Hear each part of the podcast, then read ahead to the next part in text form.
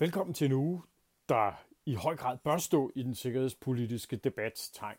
Om den så gør det, det er så noget andet. Men her fra et landsammenslutning vi i hvert fald gøre vores for at øh, præge og bringe den sikkerhedspolitiske debat videre.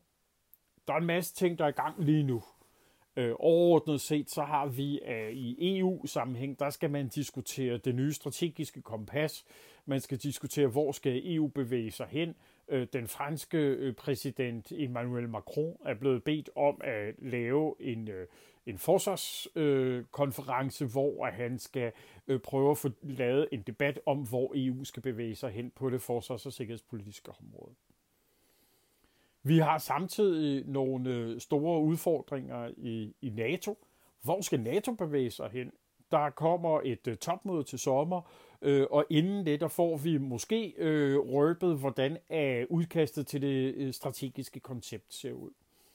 Øh, NATO laver med, med, med, med lange mellemrum et, et strategisk koncept, som beskriver, øh, hvilke modstandere står NATO overfor, hvordan skal man håndtere det, hvad er det for nogle prioriteter, NATO skal lave.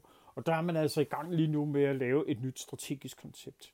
Øh, der kommer en masse rygter ud om, hvad det er, men det er kun folk, der er meget tæt på processen, der ved noget om det.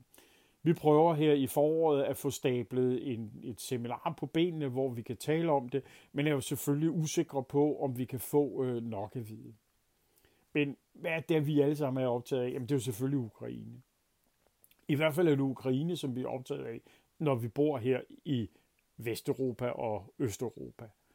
Øh, bor man i Asien, så vil man nok kigge for eksempel på, at øh, taiwanesiske jægerfly igen har måttet gå på vingerne øh, for at, øh, at øh, få kineser til at holde sig ude af taiwanesisk øh, luftrum. Men lad os tale om Ukraine-krisen. Vi ser lige nu en russisk og måske også belarusisk øh, militær opmarsch op til Ukraines grænser. Jeg er personligt rigtig bekymret for, hvad der sker. Der er jo krig i Ukraine. Nogle gange så siger folk, hvis der kommer en krig, der er en krig i Ukraine. Det er en lavintens krig, som har været ført lige siden 2014. Hvor Rusland med mange forskellige midler har øh, presset ukrainerne og holder Ukrains territorium besat. Det er et kæmpe problem for os alle sammen, fordi vi reelt set i Vesten ikke har en øh, Ruslands strategi. Hvordan skal vi håndtere Rusland an? Hvordan skal vi komme videre?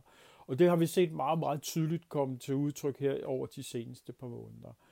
Russerne har en drøm om på mange punkter at rulle NATO tilbage øh, til en situation før 1997, måske i virkeligheden også til, tilbage til, til, til muren, øh, eller til, til den kolde krigs situation, altså situationen før 1991.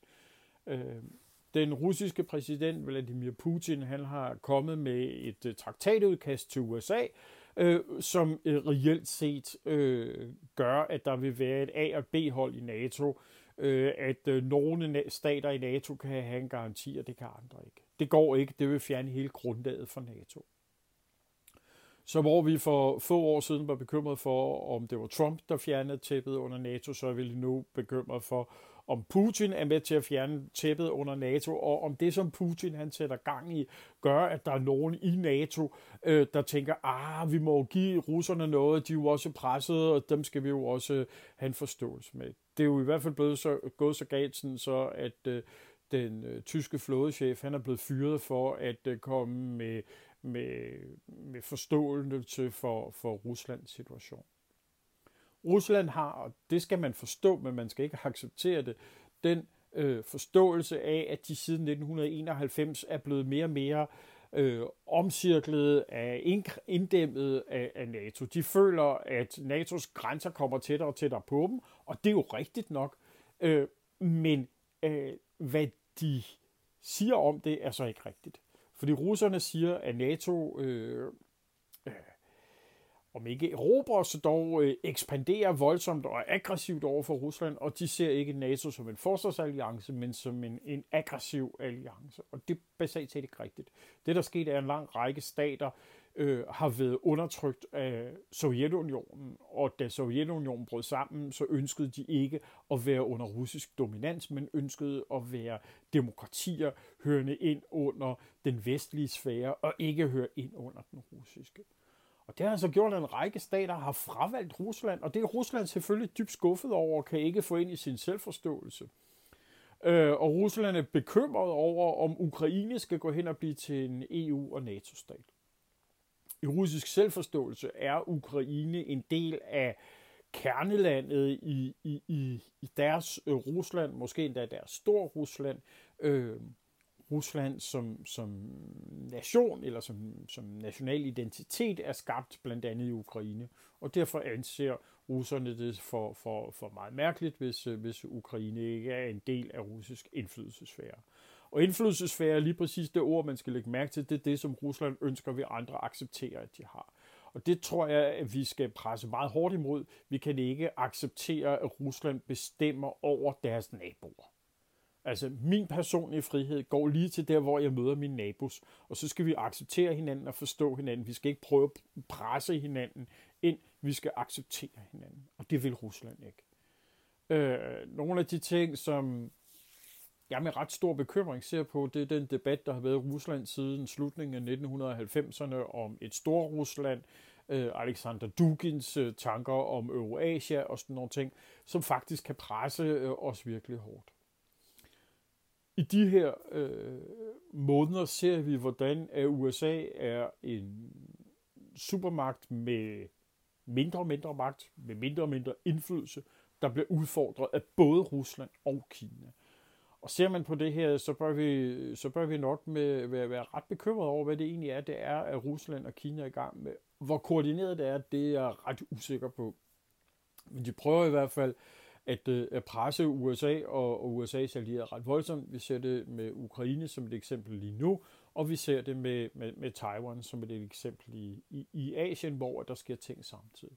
Så USA må til at indstille sig på at have en, en det med englænderne i sin tid kaldte for en two-nation navy, altså et, et forsvar, der skal kunne klare håndtere både en stor konflikt med Rusland og en stor konflikt med Kina. Det kan USA ikke alene. Det kræver, at USA forstærker allierede, og det kræver, at USA giver sine allierede noget. Den europæiske sikkerhedsgaranti under den amerikanske atomparaply er det ene. Men USA bliver altså også nødt til at lukke sine allierede tættere ind i beslutningsprocessen, tættere ind der, hvor man bestemmer noget, sådan så de allierede faktisk bakker de amerikanske beslutninger op, og ikke synes, at de er helt håbløse. Det er en meget større udfordring, end hvad vi lige umiddelbart tror, desværre. Det her har også øh, følger for Danmark, den udvikling, der sker lige nu. Og der sker en kæmpe udvikling. Vi har Guinea-bugten som et problem. Vi har Mali, hvor at, øh, øh, at vi nu er på vej til at lave sanktioner med det regime, vi har prøvet at understøtte. Øh, så, så der er virkelig nogle ting på vej. Personligt mener jeg, at vi alle sammen skal holde meget nøje øje med og deltage ikke mindst i den forsvarsdebat, der kommer til at være.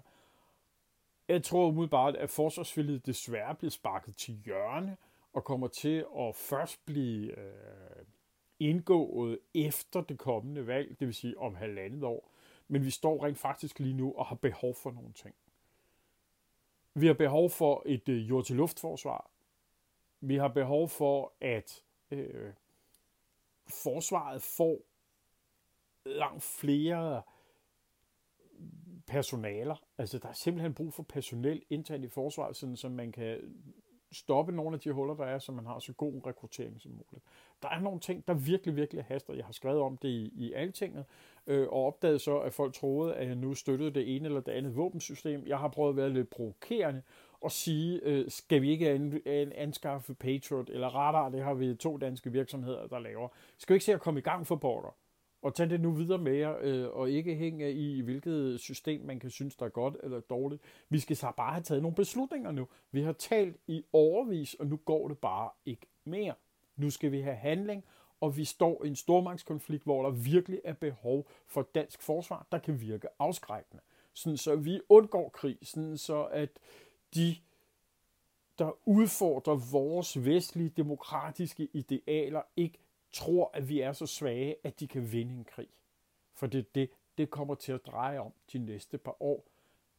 Kan vi afskrække vores modstandere og erkende, at vi har modstandere, og afskrække dem så meget, at de ikke griber til krigsvåbne. Det tror jeg er en meget vigtig forståelse, vi bliver nødt til at have nu. Kan I have en rigtig god uge. Vi høres.